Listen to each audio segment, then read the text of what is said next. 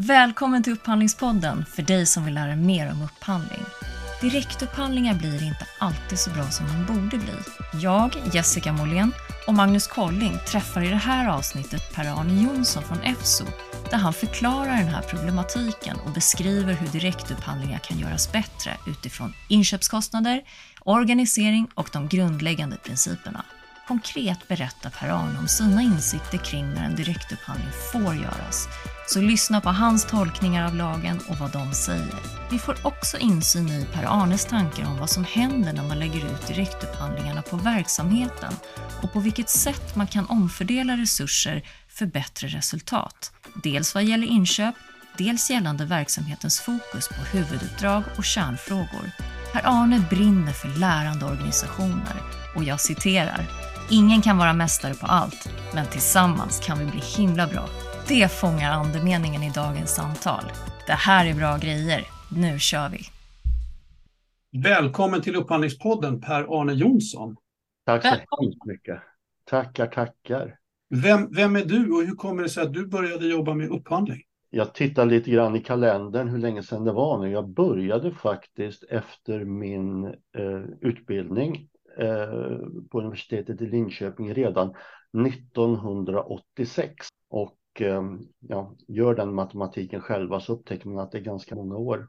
Och egentligen var det en ren slump att jag kom in på inköp och upphandling. Jag var lite kaxig och lite stor i käften så jag ifrågasatte vad våran inköpschef hade gjort. För jag började inte som inköpare, jag började som controller. Och så ifrågasatte jag ett avtal och han sa i princip gör det bättre själv då. Och på den vägen är det. Sen har jag jobbat i eh, flyg, flygunderhåll, jag har jobbat i telekom, jag har jobbat i möbelindustrin, jag har jobbat i livsmedelsindustrin innan jag 2010 hamnade på ett företag som heter EFSO, där jag har jobbat som konsult och känner väl att jag har kommit hem, fått möjligheter att eh, hjälpa andra att utveckla och utvecklas, vilket är en drivkraft hos mig.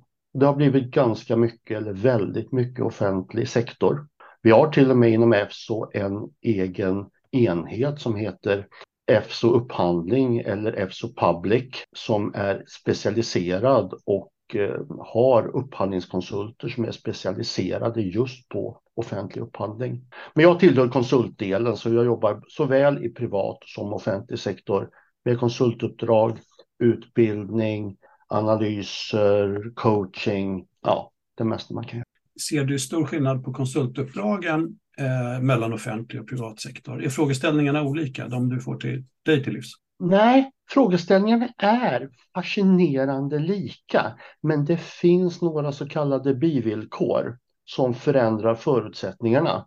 Men jag har ju som ett mantra som jag envisas med, det är att skillnaden mellan två organisationer i offentlig sektor är större än skillnaderna mellan offentlig och privat. På vilket sätt då?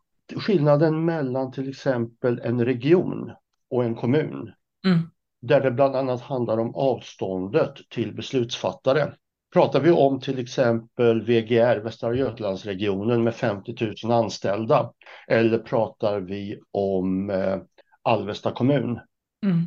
I Alvesta ko kommun kan du eh, möta kommundirektören och säga hej du, jag har en grej på gång, skulle du kunna? Det händer inte i Västra Götalandsregionen lika enkelt. Ser man samma saker i stora och små organisationer på den privata sidan förstås? Ja, samma sak där. Ja.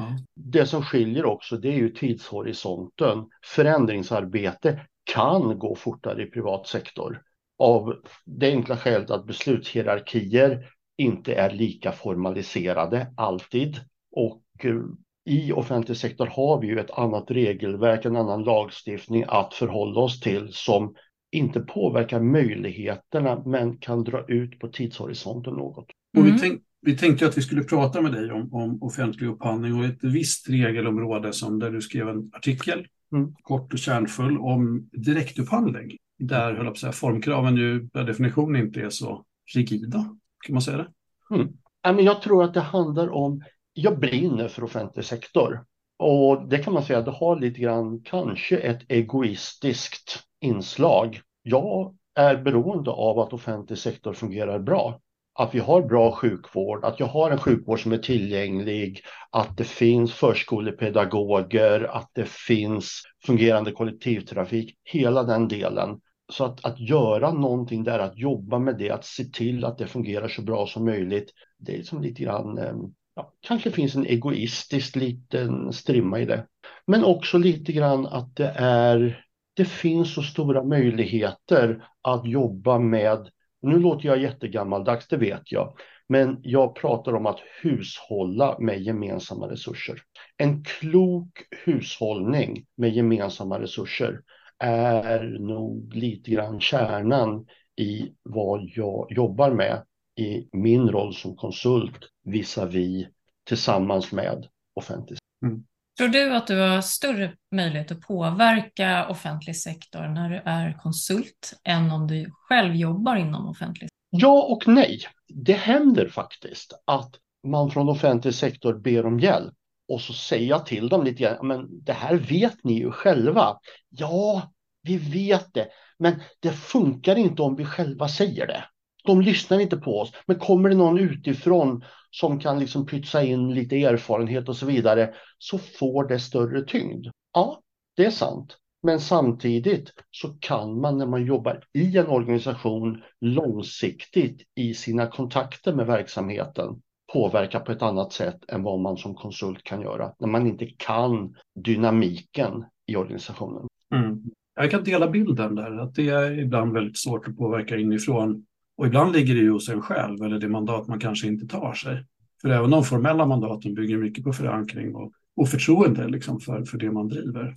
Eh, men, men jag tycker det är verkligen, det är en sak som jag tycker ibland man pratar om eh, kompetensflykt när man anlitar konsulter, att man liksom har någon som kommer in och så har med sig sin kompetens och går därifrån. Men, men jag tycker att det ofta finns en väldigt stor värde i att någon tar med sig andra perspektiv eller andra goda exempel eller andra kreativa idéer som kanske är svåra att hitta myllan för internt. Mm. Och att det, att det finns en väldigt bra överföring i ny metodik eller nya synsätt.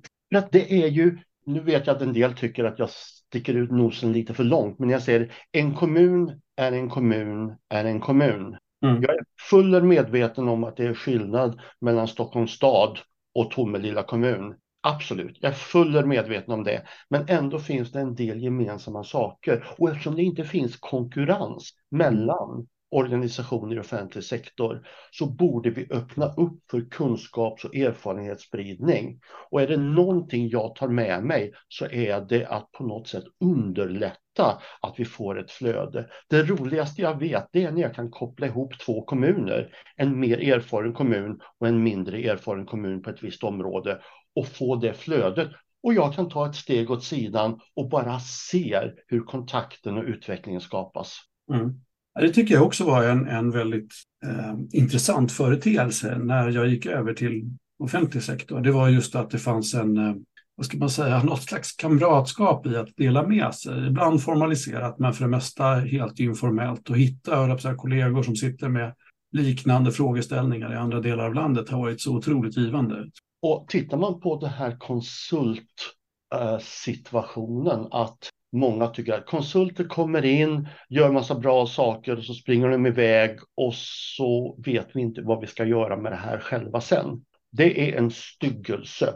Jag tror att vi som konsulter måste vara väldigt angelägna om att bygga kompetens och kapabilitet när vi är inne i en organisation. Ja, och det där är ju lite ofta en, en process eller ett arbetssätt som skiljer sig lite från den beställningen av själva konsultuppdraget. Mm. Jag känner igen det själv från, från min tid som konsult, att man gick in och gjorde sin pryl som hade start och slut och det är tillfredsställande för det är så väldigt tydligt. Liksom.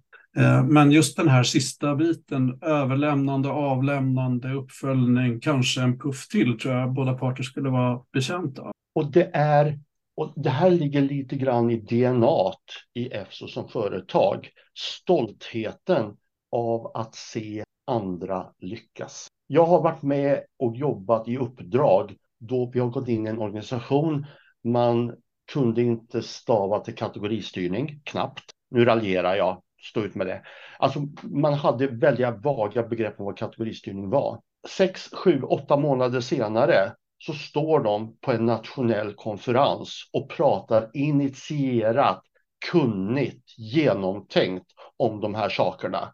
Och jag lyssnade på det här och jag måste säga att jag varit alldeles varm om hjärtat. Men, men det är ju någon slags lärandeprocess och bara det måste ju vara glädjande, tänker jag. I en konsultorganisation också våga säga att vi inte kan och sen så se till att lära sig det. Det är väl den, den stora resan egentligen. Liksom. Ja, men alltså det är eh, som gammal scout så brukar jag säga learning by doing. Att jobba, och det är vi inne på tillsammansbegreppet, att som konsult gå in och soloköra, det kan man göra i vissa uppdrag. Men mm. de stora utväxlingarna, det är när en konsult med extern erfarenhet tillsammans med personer som kan det interna spelet samverkar, jobbar tillsammans.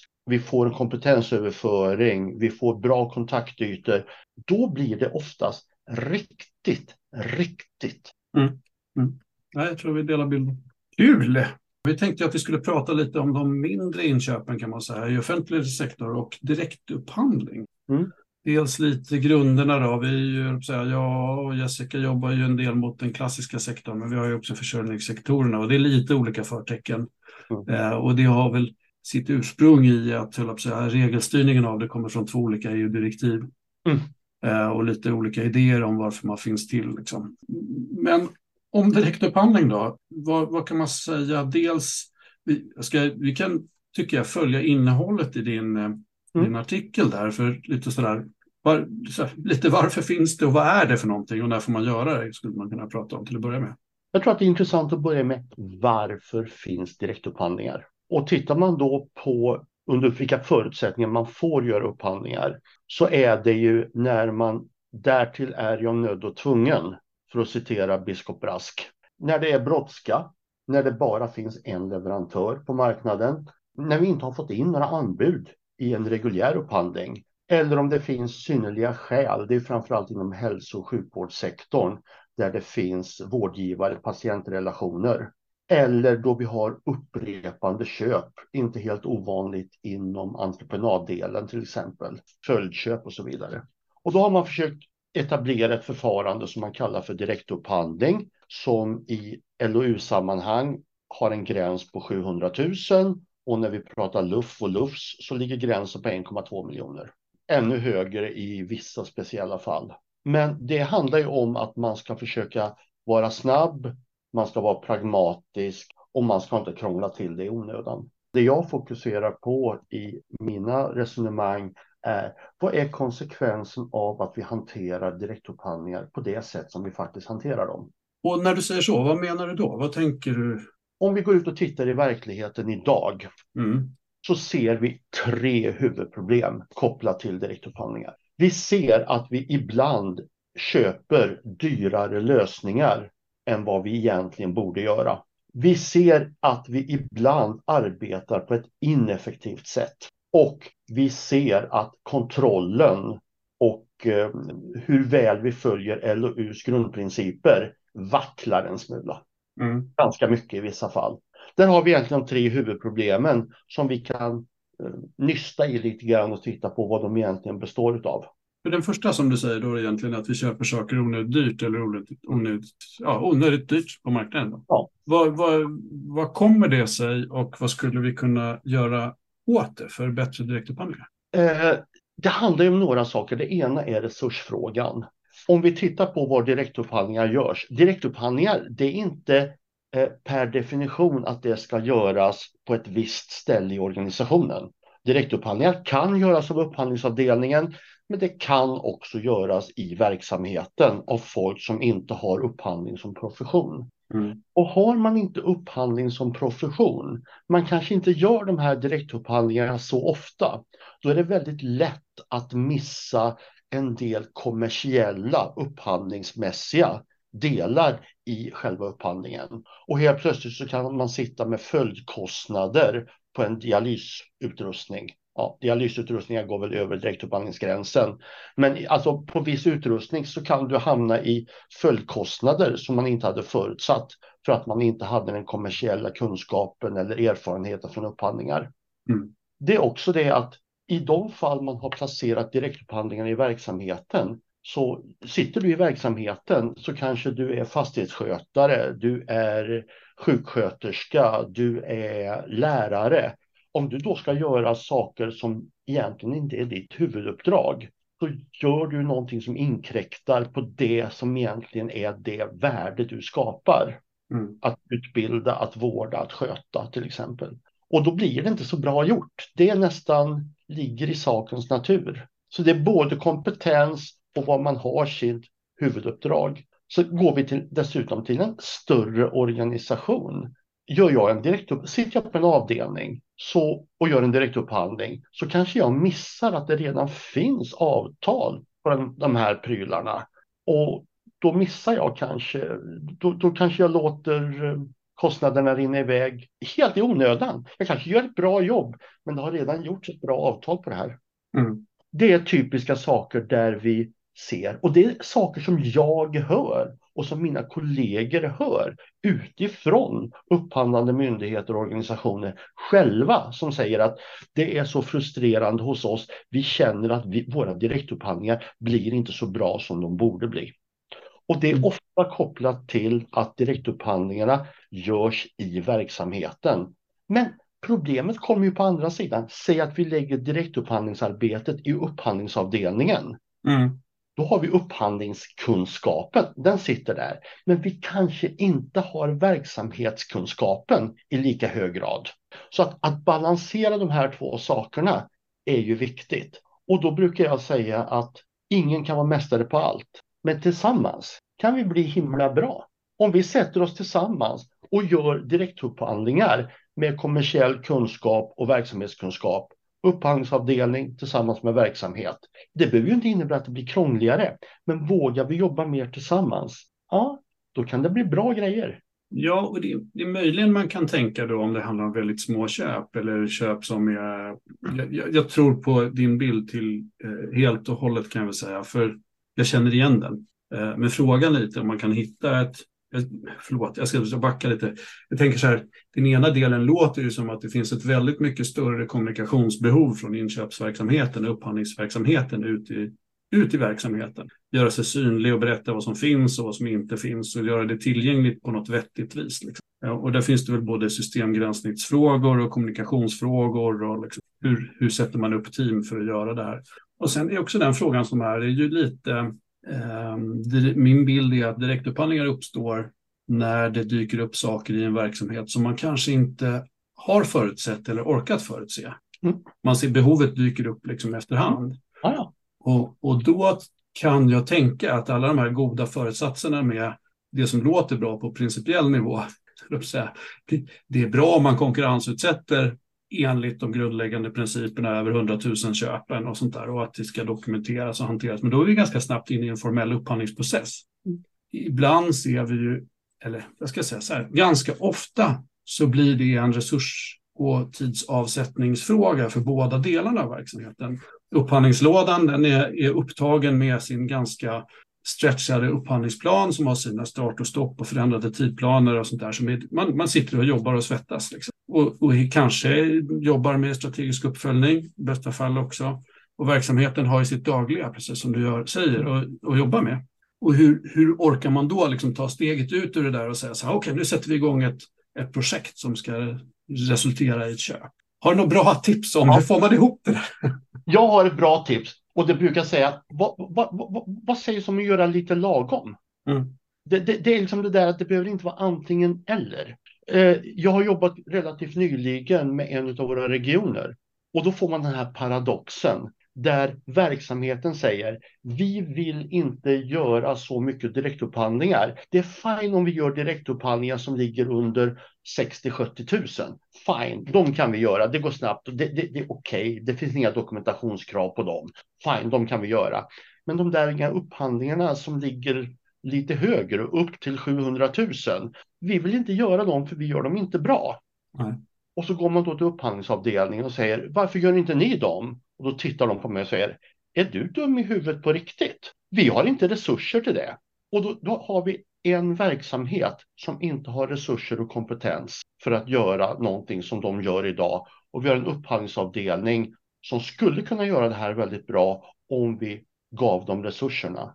Vi skulle kunna, sjuksköterskorna få mer tid att vara sjuksköterskor. Fastighetsskötarna skulle kunna få mer tid att vara fastighetsskötare om vi flyttade över en del av jobbet, inte allt, men en del av jobbet till upphandlingsavdelningen.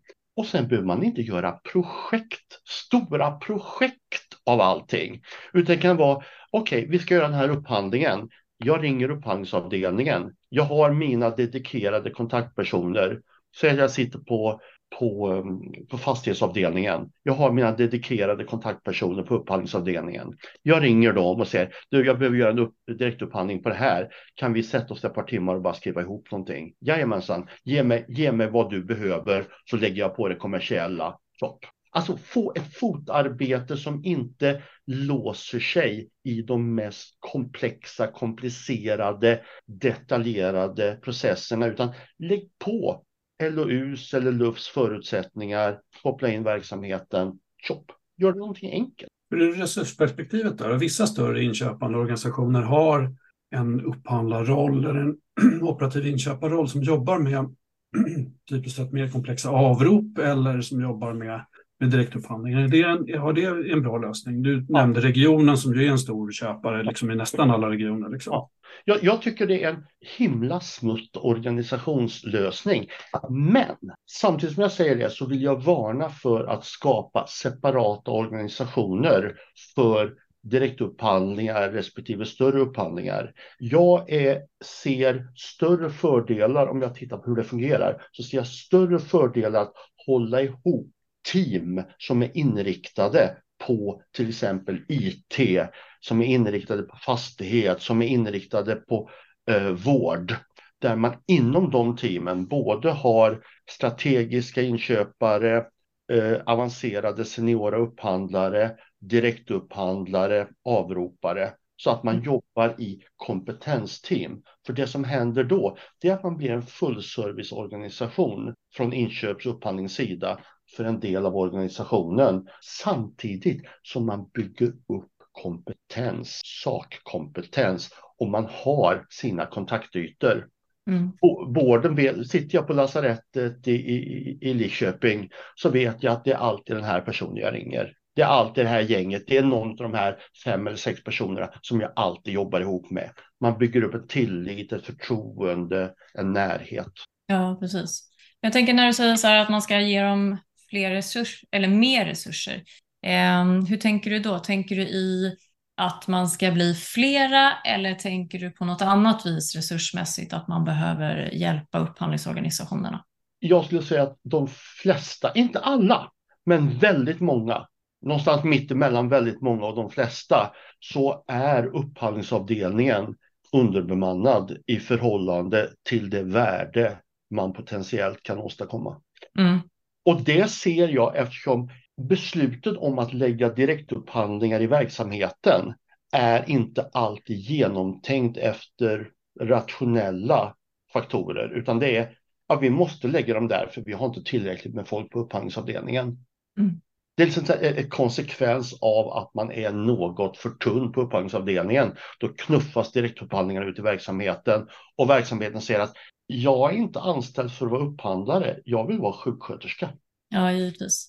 Jag tänker, finns, tror att det finns någonting i arbetssättet man kan förändra och förbättra som är ett enkelt, en enkel förändring, ja, förutom då att man ska använda sig kanske mer av direktupphandlingar, men det betyder ju också att man behöver någon typ av systematisering för det. Finns det något sätt man kan jobba mer automatiserat eller effektivare på för att kunna inte bara öka den personella styrkan utan också snabba upp takten utan att behöva springa snabbare.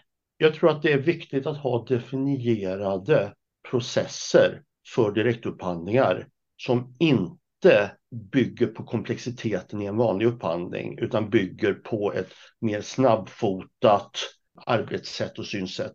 Mm. Det, det, tror jag är det ena. Sen tror jag att man ska ha gemensamma systemlösningar för att registrera direktupphandlingar och direktupphandlingsbehov där man lägger in dem så att man får en transparens i hela organisationen. Där någonstans försvinner behovet av ett antal direktupphandlingar om man redan ser att ja, men det här finns ju redan. Det här är redan gjort. Mm. Precis, jag, jag, jag ska ta ett exempel. Jag tänker inte nämna några namn här, men där man som kommun och kommunalt bolag skulle gå ihop i en upphandling av tekniska konsulter. Sen så valde bolaget att dra sig ur för att istället vid behov göra direktupphandlingar. Och då började jag tänka så här, vad, vad händer, plus och minus? I förlängningen då, vad händer när man istället för att göra ett ramavtal så ska man direktupphandla då varje gång man har ett behov. Och då måste du ju ha ett underlag varje gång. Eh, och du måste ju liksom, det måste man ju inte, det är ju inte formaliserat och så enligt lag, men för att det ska fungera och bli bra avtal, särskilt när det gäller tekniska konsulter, det finns standardavtal och så vidare. Och där också eh, kommun och kommunala bolag har egna policies och, och styrande dokument som styr eh, regel, reglerna inom ramen för de här avtalen, eh, så behöver du ha ett underlag liksom på plats varje gång du ska göra en direktupphandling för att kunna skriva ett bra avtal. För du måste ju fortfarande skriva ett avtal. Du vill alltså, ju inte bara skaka hand med någon och inte få det du har lovat. Direktupphandling betyder inte att vi kan strunta i LOU, LUF och LUFS. Nej, exakt, exakt. Så jag börjar tänka så här för och nackdelar, du vet. Har du ett ramavtal, då är allting klart. Du gör ett avrop, du har ofta en avropsmall som redan är färdig och sen så preciserar du just det behovet där och då som du har för att göra ett avrop. Men ska du göra direktupphandlingen så måste du se till att underlaget är uppdaterat varje gång du ska skicka ut det så att det blir en annan administrativ börda varje gång du gör ett avrop. Sen är det ju avhängigt av hur många avrop du gör. Gör du ett avrop per år på 50 000, ja men då kanske det inte är relevant att ens tänka på de här sakerna. Men gör man några avrop så blir det plötsligt en del tid som går åt och då har du en del personella resurser som ska sätta sin tid till för att göra det här, alternativt ha ett färdigt ramavtal som, eh, som är fix och färdigt, där, du, där du bara snabbt kan göra din, eh, ditt avrop. Det finns plus och minus. Det är ju inte alltid eh, positivt att välja antingen det ena eller det andra enbart. Och då är vi ju inne på när får du göra, lite grann vad jag sa här initialt, när får du göra direktupphandlingar? Mm.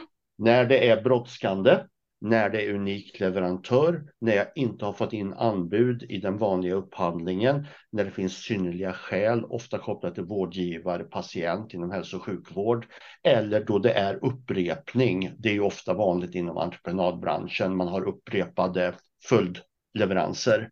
Om det inte uppfyller något av de villkoren, då skall du genomföra en reguljär upphandling.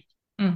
Så att direktupphandling varken kan eller ska användas som ett sätt att slippa att göra upphandling. Så direktupphandlingsgränsen räcker inte? Nej.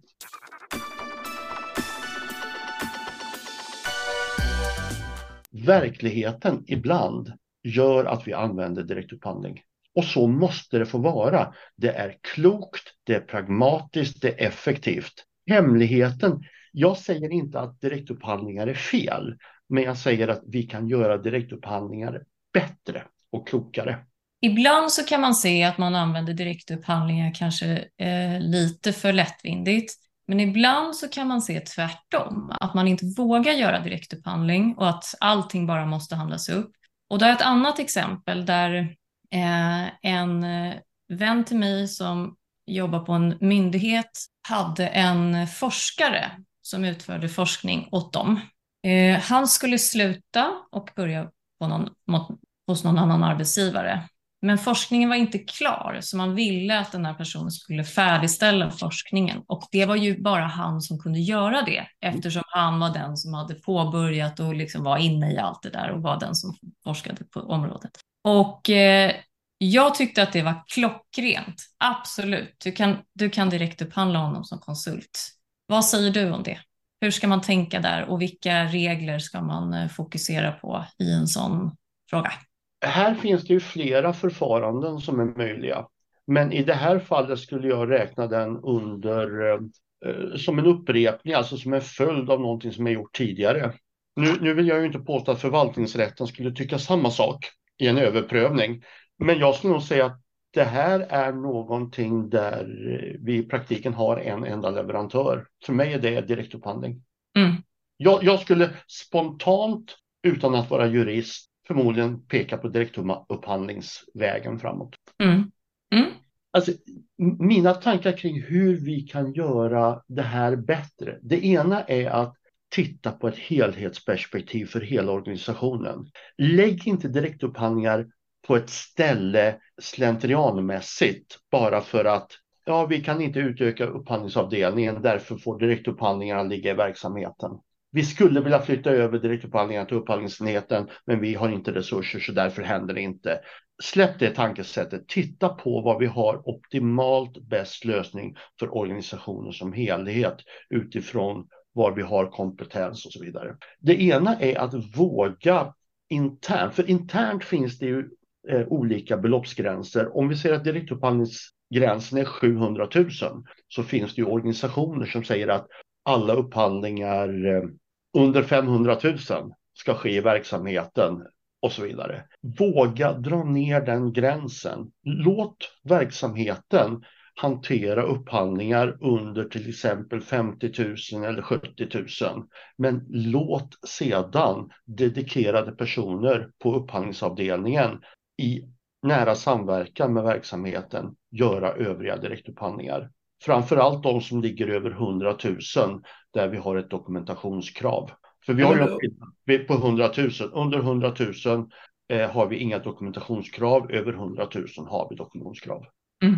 Och, och, det du säger, du, har, du beskrev ju att du också kom ifrån en roll som controller tidigare och när, du, eh, när man talar om att lägga ut en sån, en sån ordning i en, en, en, en verksamhetsorganisation så kan man ju liksom eh, lägga ihop den med en, eh, ett beslutsmandat eller en attesträtt också. Så att det, då, då har man ju möjlighet att få de här att bolagsstyrningsmässigt få gå hand i hand och säga att så länge ni använder ramavtal så är era eh, beslutsmandat större. Men är det så att ni ska direktupphandla då är det, eh, tänk på att då, då är de begränsade. Liksom. Och skapa processer som är slimmade för att kunna göra en direktupphandling utan att det ska bli ett stort komplicerat projekt med massa styrgrupper och grejer. Gör det enkelt, få med de viktigaste sakerna och våga göra det i samverkan mellan kommersiell kompetens och verksamhetskompetens. Mm. Det är kanske bara att man sätter sig med en kopp kaffe i några timmar. Det kan vara så enkelt. Mm. Jag tror också på slimmade processer, för själva idén med att kunna direktupphandla med till låga värden är ju just att, att minska transaktionskostnader. Men jag ser lite andra frågor som dyker upp och det är inte bara kopplat till de här och återkommer till det lite sådär, de, de härliga övergripande principerna som ska gälla för all upphandling. För de är ibland lite svårtillämpliga i praktiken när man pratar småköp. Utan jag tänker också på frågor om att kontrollera leverantören så vi inte får in någon röten leverantör bakvägen. Vi har säga, en del saker som inte fungerar inom vissa branscher där vi har en ganska utvecklad kriminalitet kopplad till de branscherna. Mm. Uh, och, och, i de små köpen så skulle man ju kunna liksom öppna upp för bakvägen om man inte har en kontrollapparat där och då är det också ett processsteg som man skulle se till att kolla på. Uh, vad tänker jag, vi sitter själv med, med så riktiga beställningssystem, vilket är ett stort värde, för då lägger vi också upp den direktupphandling som vi gör som en, eh, en, en avtalskategori. Mm. Då liksom uppstår den och det är klart att det blir en tröghet och ytterligare en handpåläggning i en sån process, men den är också uppföljningsbar.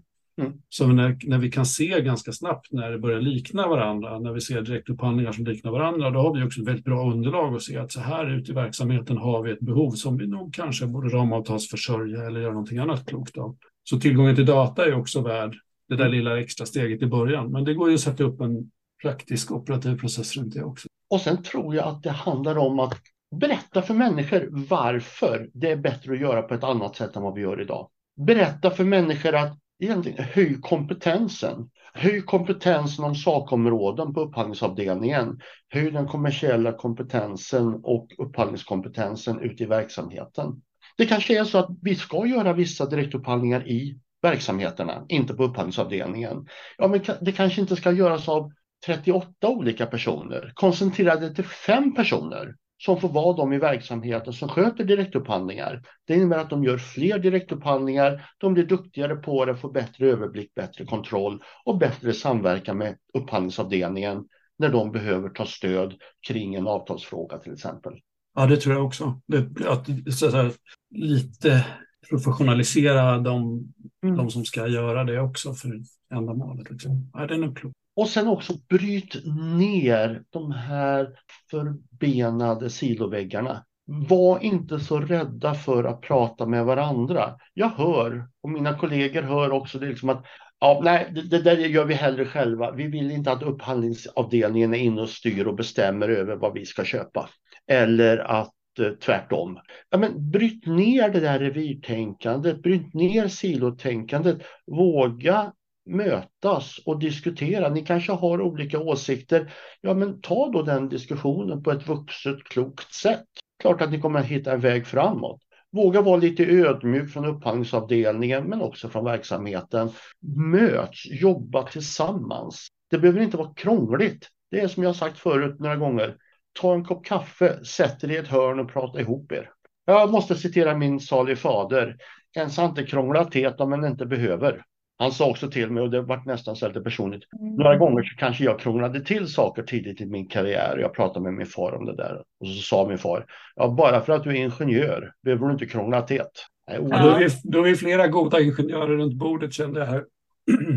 Nej, men jag tror att det, det handlar om att vet vi om vi har våra mål, vi vill skapa bra resultat, vi vill hushålla med våra resurser, vi vill följa lagstiftning och regelverk. Om vi kommer ihåg de tre sakerna och ställer oss frågorna i varje organisation, hur kan vi göra det här på bästa sätt? För jag blir så ledsen när jag hör en organisation säga det att ja, vi är tvungna att göra alla direktupphandlingar ute i verksamheten. Vi har inte riktigt tid till det, så det blir någonting vi gör med vänsterhanden och vi känner att det läcker pengar.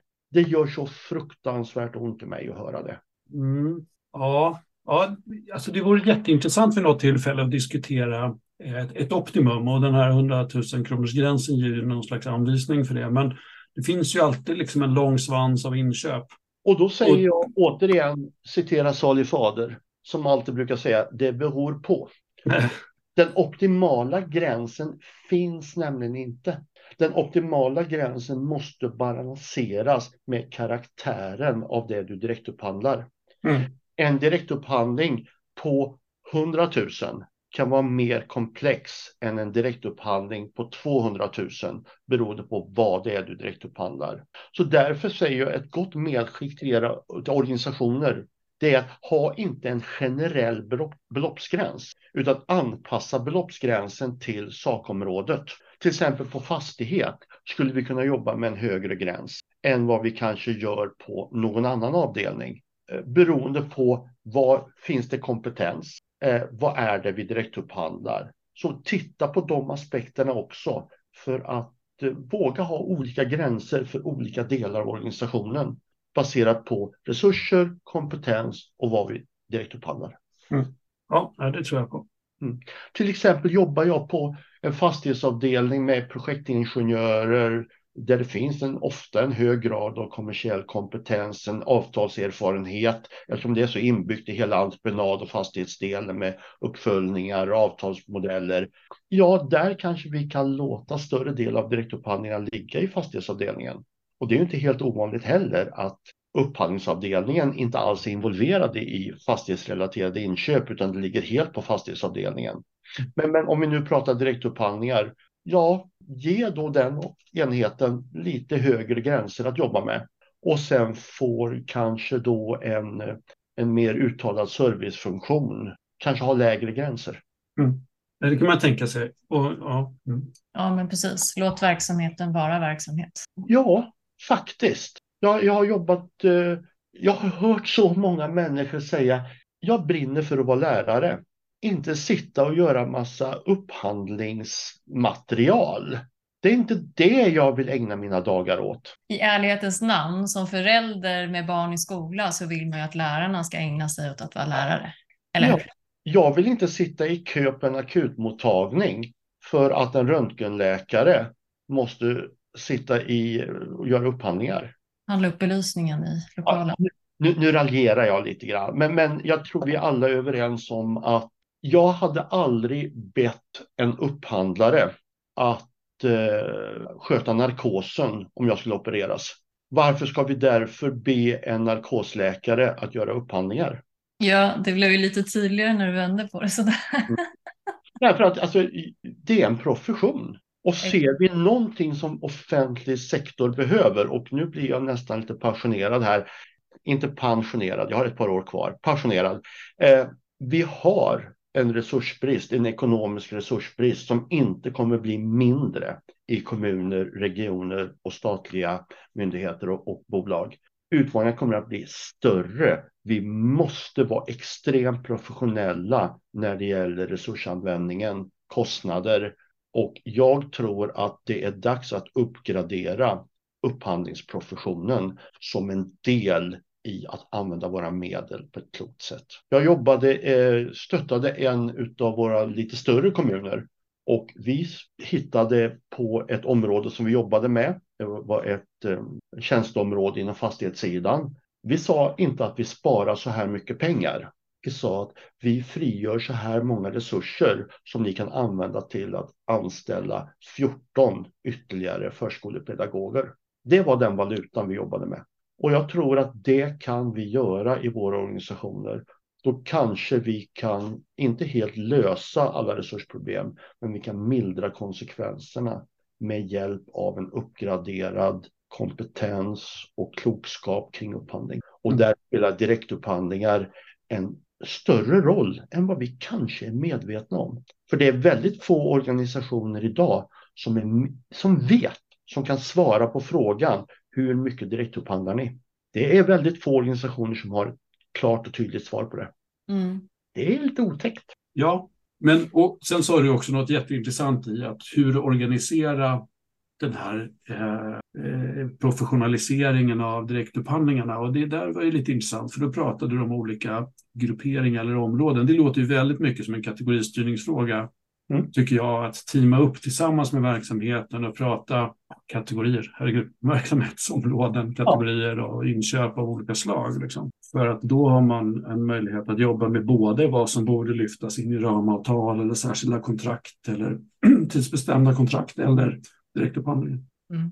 Alltså, jag tror att jobba i det jag kallar för kompetensbreda och kompetensdjupa team inom olika verksamhetsområden. Att man har allting från juniora upphandlare som kanske hanterar direktupphandlingar och avrop till otroligt seniora strategiska kategoriledarkompetenser. Att man jobbar med det inom verksamhetsområden. Det som händer då också, då är vi inne på ett annat område som jag brinner för, det är nämligen lärandet. Då kan vi få en karriärväg. Jag kan komma in i en organisation som ganska junior, jobba tillsammans med andra människor inom ett verksamhetsområde. Jag kan gå som andreman i en upphandling och lära mig och utvecklas. Där har vi det gamla scoutings syn, learning by doing. Mm. Och, och då, en lärande organisation är per definition en organisation som utvecklas och kan hantera nya utmaningar. Att bygga in lärandet, att få människor att kunna utvecklas och växa är bland det bästa man kan göra för en organisation. Och bästa man kan göra för människor också. Dessutom får vi människor som hellre stannar kvar. Känner jag att jag jobbar i en organisation där jag kan få utvecklas som IT-inköpare från väldigt junior till mer senior, ja, chansen att jag stannar kvar är mycket större. Och det är bra för organisationen. Så jag tror att det här kan vi eh, göra flera flugor på smällen. Mm. Mm. Ja, jag skulle vilja att du berättat lite om EFSO Tools. Ja, ah, EFSO Tools. Ja, vad är det? EFSO startade 2007 som ett konsultföretag som ville göra saker lite annorlunda.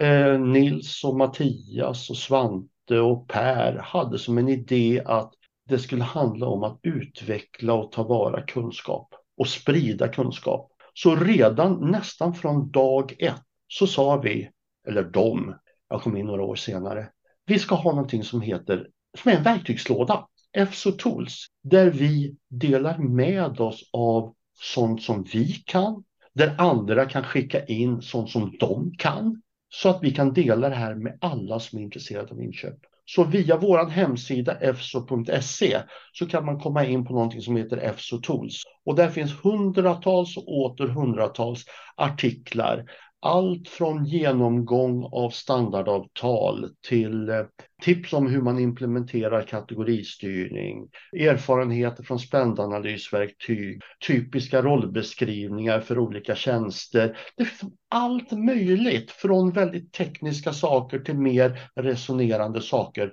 som har med inköp och upphandling att göra inom en massa olika ämnesområden. För våran idé inom EFSO, det är att om vi sprider och delar kunskap så kommer alla ha nytta av det. Det blir lite bättre för alla.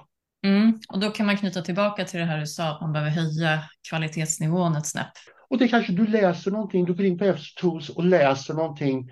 Det ger dig inspiration, det kanske får dig att söka vidare, det kanske får dig att eh, har någon annan gjort det här? Jag kan söka en ny kontakt, mer kunskap. Då är vi återigen i det här att vi utvecklar och utvecklas. Mm. För det behöver vi göra. Det är nämligen så här att för de som inte har upptäckt det, världen utvecklas. Och de lösningar som vi ofta jobbar med inom inköpsområdet, ja, de löser knappt ens gårdagens problem. Än mindre dagens och definitivt inte morgondagens problem. Vi måste jobba annorlunda. Vi måste jobba mer prestigelöst, vi måste jobba mer tillsammans, vi måste acceptera att vi inte kan och vet allting inom någon del av organisationen. Vi måste ta den där sittningen med någon över en kopp kaffe eller vad det nu kan vara och på ett enkelt, pragmatiskt, okomplicerat sätt hitta nya lösningar. Och varenda gång när man, det här är så häftigt. Vi, vi märker det i vår konsultverksamhet oavsett om det är konsultingdelen eller FSO upphandling eller vad det nu kan vara eller våra interimsresurser. När vi sätter oss tillsammans med personer, när vi samlar personer med olika kunskap och erfarenhet och stöter och blöter ett problem så uppstår det riktigt bra grejer. Och så säger folk, oj, varför har vi inte gjort det här förut? Och så säger man, ja, det kan man verkligen ifrågasätta. Varför har ni inte gjort det här förut? Jag jobbade med en kommun. Ah, det var så infernaliskt roligt. För då samlade vi folk kring ett projekt från olika bolag och olika delar av förvaltningarna. Och de satte sig tillsammans och vi gjorde det här projektet. Och någonstans halvvägs, lite drygt halvvägs in i projektet så började de säga, okej, okay, vilket projekt ska vi göra oss i kast med efter det här? Varför har vi inte pratat om det här förut? Det här borde vi enas om. Det här borde vi dela på. Varför gör ni det? Det kan vi göra åt er. Helt plötsligt så händer det här. Och så säger jag, men brukar ni inte träffas? Nej, det här är första gången vi sitter tillsammans mellan bolagen och förvaltningarna och pratar om de här sakerna. Och då är det samma sak på direktupphandling. Man behöver inte sitta ensam på upphandlingsavdelningen. Man behöver inte sitta ensam ute i verksamheten. Ta och snacka ihop er. Mm. Ja, där tror jag att man behöver bli mycket bättre. Och även om man kommer på hur roligt det är en gång så är det svårt att ta sig tiden för att hålla igång det där. Det kräver att någon hela tiden driver på.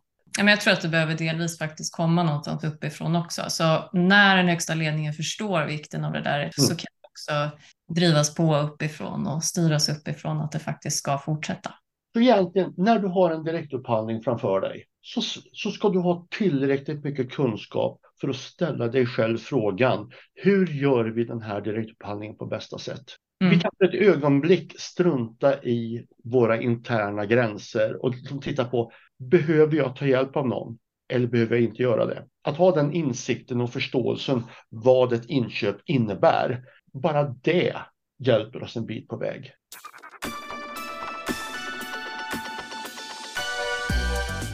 Vi får väl citera den gamle möbelmästaren Ingvar Kamprad. Underbara framtid, det mesta är ännu ogjort. Mm. Och jag tror att jobbar man med upphandlingsfrågor, har man det intresset så finns massvis med bra saker att göra i offentlig sektor.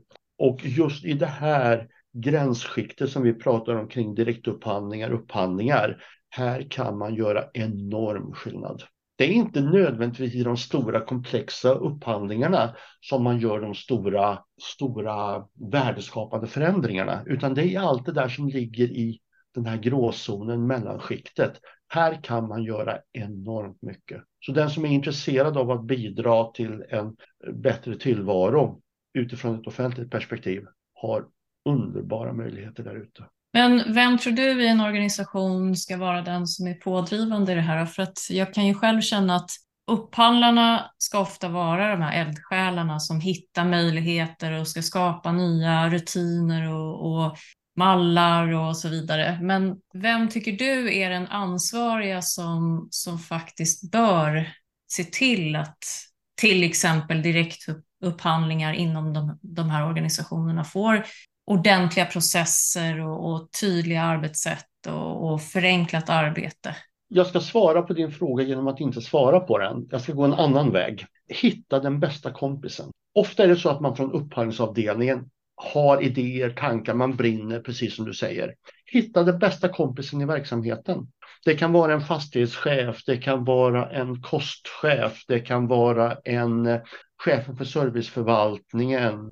Vem det än är, hitta bästa chefen och så, eh, bästa kompisen så gör ni någonting tillsammans som blir så bra så att folk börjar liksom säga Vänta, vad är det här för någonting? Vad har ni gjort nu? Vad har ni lyckats med?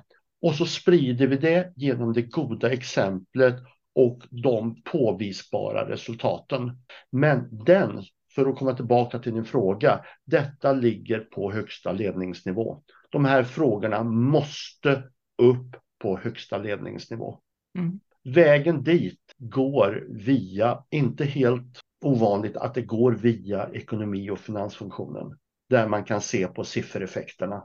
Men detta är och förblir en ledningsfunktion och jag ser det i de organisationer som jag tycker har kommit längst på det här, eh, framförallt då på kommunala sidan. Då vet jag att kommundirektörerna eller stadsdirektörerna vet vad det här är, är involverade, förstår konsekvenserna och driver frågorna. Mm. För det räcker inte att vi brinner inom upphandlingsverksamheten. Då brinner vi bara och... Vi brinner ut. Vi brinner ut istället för att sprida elden. Och vägen att få gehör, det är att teama ihop sig med bästa kompisen i verksamheten, göra någonting väldigt bra, kanske till och med lite grann under radarn. Mm. Och sen så ska vi visa upp det här och då blir det som, eh, det blir oemotståndligt. Mm. Jag, jag, jag, pratade med en upphandlingschef på en av våra regioner och hon sa, vi pratade om, jaha, ska vi ha någon presentation för ledningen? Och då säger hon, det ska vi absolut inte ha. Mm. Först ska vi göra någonting bra tillsammans med den här enheten. Sen ska vi gå och visa. Mm. Det är väldigt klokt. Mm. Ja, visst. Jag håller med. Det blir, det blir lättare för ledningen att, uh, att ge sin välsignelse till någonting som man kan se faktiskt har fått goda resultat. Uh, absolut. Och ibland så blir vi så otroligt låsta i att allting måste se likadant ut. Allting ska förändras. Vi ska göra totala förändringar i organisation och arbetsprocesser. Men gör inte det. Testa med någon liten bit då. Mm. Det är ungefär som när, när, när, när eh, man ska måla någonting. Måla lite grann ner i hörnet och kolla om färgen blir rätt innan du målar hela väggen. Ja. Nej, men det är ju så. Det är ju också en bra psykologi det där. Det är mycket roligare att uppfinna någonting på kammaren och göra vara en grupp som faktiskt kan driva grejerna framåt.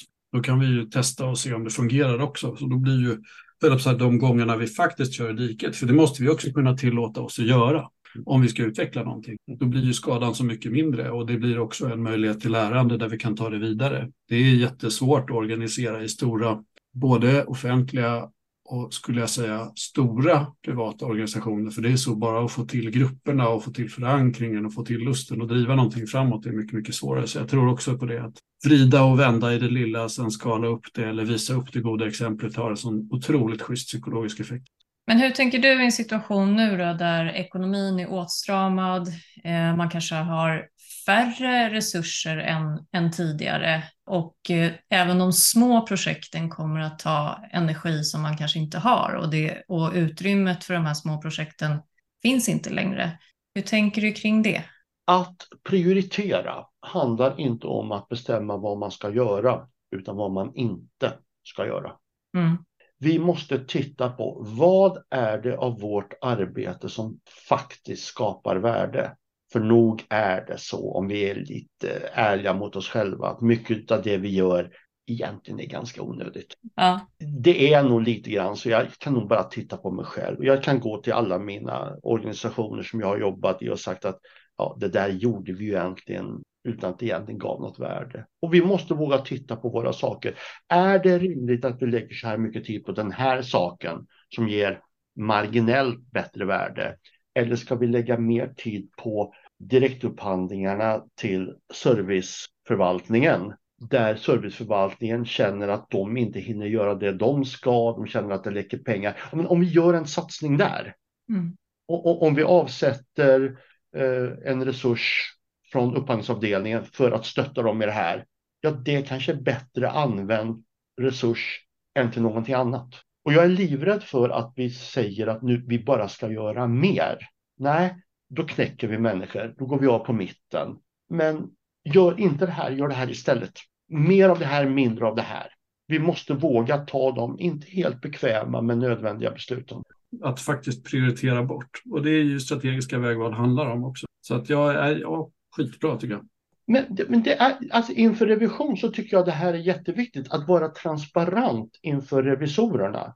absolut. Och, och, och, verkligen säga, och verkligen säga att vi har valt att prioritera det här mm. på grund av de här målsättningarna, de här kraven. Jag tror att varje normalbegåvad revisor är helt fine med om du berättar att jag har inte, valt att inte göra det här av det här skälet. Mm. Och, och, där har ju liksom revisorn också den konsultativa rollen som är ju så oerhört värdefull, att man får den här, eh, du får faktiskt någon annan som säger att det här har vi konstaterat behöver göras, eller det här fungerar hyggligt bra. Och, och det ger ju också ett, ett beslutsmandat när vi säger så här, nu vill vi faktiskt göra en förändring. Och den, alltså, så de är ju väl, väldigt värdefulla för oss som driver verksamhet. Och jag skulle vilja påstå att pratar vi direktupphandlingar mm så ser vi, och jag har läst tämligen många revisionsrapporter, mer än vad som egentligen är nyttigt. Och jag ser ju att i 80 procent av revisionsrapporterna så dyker direktupphandlingarna upp med en kommentar kring antingen att de inte är tillräckligt väl dokumenterade, att eh, de inte genomförs på ett effektivt och ändamålsenligt sätt och så vidare. Direktupphandlingar är en standardanmärkning och det är för mig en indikation att ta vara på när vi pratar direktupphandlingar. Men om du ska ge ett konkret tips då, vad skulle du säga som du ser där ute är någonting som man normalt sett faktiskt nästan alltid kan prioritera bort? Finns det någonting sånt som du tycker att det här gör vi i överflöd, det behövs inte? Jag tror att rapporteringen av olika aktiviteter, nyckeltal etc. ofta sker av ren slentrian man rapporterar saker och lägger tid på att ta fram underlag för att rapportera saker som ändå ingen kommer att titta på. Eh, rapporteringen är för slentrianmässig och man bara lägger på ytterligare en sak ska, som ska rapporteras som inte vare sig pekar in mot målen eller som led, leder till någon form av åtgärd. Mm. Det produceras alldeles för mycket sånt ute i våra verksamheter. Mm. Så jag tror om vi pratar om nyckeltal och rapportering, det ska vara, ursäkta uttrycket, krispigt. Det ska vara sånt som verkligen är relevant för våra mål och för vårt uppdrag och sådant som kan föranleda att vi vidtar åtgärder. Mm. Om vi rapporterar någonting som oavsett hur vi än rapporterar det inte leder till en åtgärd, då ska vi inte ens bry oss om att rapportera det. Då är det meningslöst. Varför ska vi göra det? Klockan är två, allt är lugnt. Ja. Ja, alltså det... Rätt nivå också. Eh, mm. i rapporteringen är också relevant. Mm. Mm. Ja, det är en sak som jag skulle nog påstå är eh, som vi skulle kunna göra mindre av. Mm. Mm. Och sen tror jag rent generellt, det är, ja, jo, alla dessa möten vi har, då vi i princip bara läser innan, innantill från olika PowerPoint-presentationer. Är det nödvändigt att berätta allting för alla i mötesform eller skulle man kunna göra det här kortare, enklare? Mm. Jag säger inte att vi ska minska information, behov, behovet av information finns där, men kanske vara lite smartare i förhållande till hur vi lägger beslag på tid. Mm. Apropå tid då, hur lång tid skulle du säga att processen för en direktupphandling eh, bör kunna ta? Om du har systematiserat en direktupphandling tillräckligt, hur tänker du där? Mellan, eh, ska säga, äh, får jag svara som far. Det beror på. Men jag kan säga att det är allt mellan fyra timmar och fyra veckor. Mm. Jag har, gjort, jag har varit med och gjort fullständigt acceptabla direktupphandlingar eh, under en dag, inom loppet av en dag. Mm. Det är inget konstigt. Nej, precis. Tratta ner behovet, skicka ut underlaget. Mm. Eh, och då är det ju jättebra om underlaget finns mm. klart, mm. förutom just det där specifika behovet du ska mm. köpa. Mm. Ja, vi vet, vi har alla villkor klart, alla avtalsvillkor, ja men de är standard, det är det här. Topp! Jag behöver det här, jag behöver det då, kan du fixa det? Ja, jag kan fixa det. Bra, signera här. Ja, jag kanske förenklar lite för mycket, men jag tror att vi ska nog gärna gå åt det hållet. Men mm. det förutsätter att vi verkligen inte gör avkall på kommersiell klokskap. Vi måste fortfarande behålla kommersiell och verksamhetsmässig klokskap. Vi ska inte vara slarviga. Mm. Slarv är aldrig acceptabelt. Nej, och där tänker jag också eh, den här dokumentationen får man inte glömma om man ska handla över 100 000 så att den är på plats i tid och att rätt person då har skrivit under den antar jag. Ja, det är ju delegationsordningen som vanligt som vi måste följa. Mm. Mm. Då konkretiserade vi lite där tycker jag. Mm. Ska vi säga ja, ett stort tack avsluta. Var får man tag på dig om man vill nå dig? Det enklaste är att hitta mig via efso.se och kontakta oss på Efso. Jag finns också naturligtvis kontaktbar på LinkedIn och alla sådana ställen. Och jag pratar mer än gärna såväl direktupphandlingar som organisationsformer som kompetensutveckling som kategoristyrning, eh, rollbeskrivningar, vad det än är. Vi är dessutom ett ganska stort företag idag. Vi har specialister inom alla områden. Några av Sveriges absolut duktigaste personer kring offentlig upphandling har vi glädjen av att ha hos oss. Folk med enormt stor erfarenhet av, jag, jag kan faktiskt gå ut här och ställa vilken fråga som helst. Det kommer finnas någon som kan, vet eller har någon erfarenhet på just det. Hur många är ni? Vi är idag eh, lite drygt 50 personer fastanställda, men vi sysselsätter drygt 100 personer. Vi har en ganska stor bas av underkonsulter som är ute i olika interimsuppdrag som IT-inköpare, eh, fastighetsupphandlare, inköpschefer, kategoriledare inom såväl privat som offentlig sektor. Mm. Vi har ett ben som är specialiserat just på offentlig upphandling under ledning av Emil Andrén. Ett gäng specialister kring offentlig upphandling med en enorm stor erfarenhet. Och så har vi konsulter i alla olika storlekar, former och färger. Och vi har interimsresurser, vi har rekryteringsresurser, vi har utbildare, och alla drivs en, av, av en och samma sak. Att göra saker lite bättre. Att hjälpa andra människor att utveckla och utvecklas själva. Mm. Finns det några verktyg i er verktygslåda, FSO Tools, som du skulle rekommendera? Som du känner så här, men det här är riktigt bra grejer. Det måste inte ha med direktupphandling att göra, men eh, någonting som du verkligen känner, det här borde alla läsa. Jag tycker att, det här, nu avslöjar jag väl lite grann vad jag brinner för, men en sak som jag vet vi har det är hur börjar man med kategoristyrning? Mm. Alltså, hur börjar man? Hur tar man första steget? Eh, det andra är, vad är spändanalys? Varför gör vi spändanalys? Och hur, rent praktiskt, gör vi? Mm. Och så en sak till som jag tycker är, som jag ofta återkommer till, det är vad ska ett avtal bestå av? Vad är de grundläggande sakerna som bör, ska finnas i ett avtal. Det är sju saker. Har man dem på plats i ett avtal, ja, då är man ganska hemma. Mm. Och det helt plötsligt hjälper oss att tänka, har vi nu med det här? Har vi tagit hänsyn, tänkt på det här? Det är tre saker som jag bara så där on top of my head kan haspla ur mig som jag tycker är riktigt bra i olika saker vi har på Tools. Men det finns massor. Mm, och det kommer saker hela tiden här under hösten kommer det nu, eller kanske redan är släppt nu. Vad ska en inköpare, upphandlare faktiskt kunna? Eh, det kommer en liten serie kring förhandling. Det eh, kommer ett par grejer kring kategoristyrning i små organisationer. Många säger att kategoristyrning det är någonting som bara funkar i stora organisationer. Den artikeln tar lite grann, eh, avlivar den myten. Mm, kul, mm. spännande. Det finns skäl att utforska. Ja. Stort tack! Jätteroligt att träffa er så här. Hoppas vi får träffas i något annat sammanhang. Ja. Mm. Bra! Hörrni, jättetack och trevlig helg. Vi hoppas att du har fått en massa användbar kunskap och bra tips för att kunna göra upphandling lite bättre. Tycker du att Upphandlingspodden är intressant? Tipsa gärna dina kollegor och vänner om att den finns. Då hjälper du till att göra upphandling ännu bättre.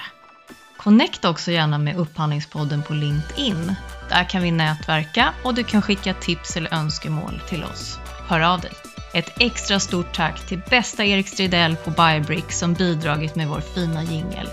Tack för att du lyssnat. Ha det bra!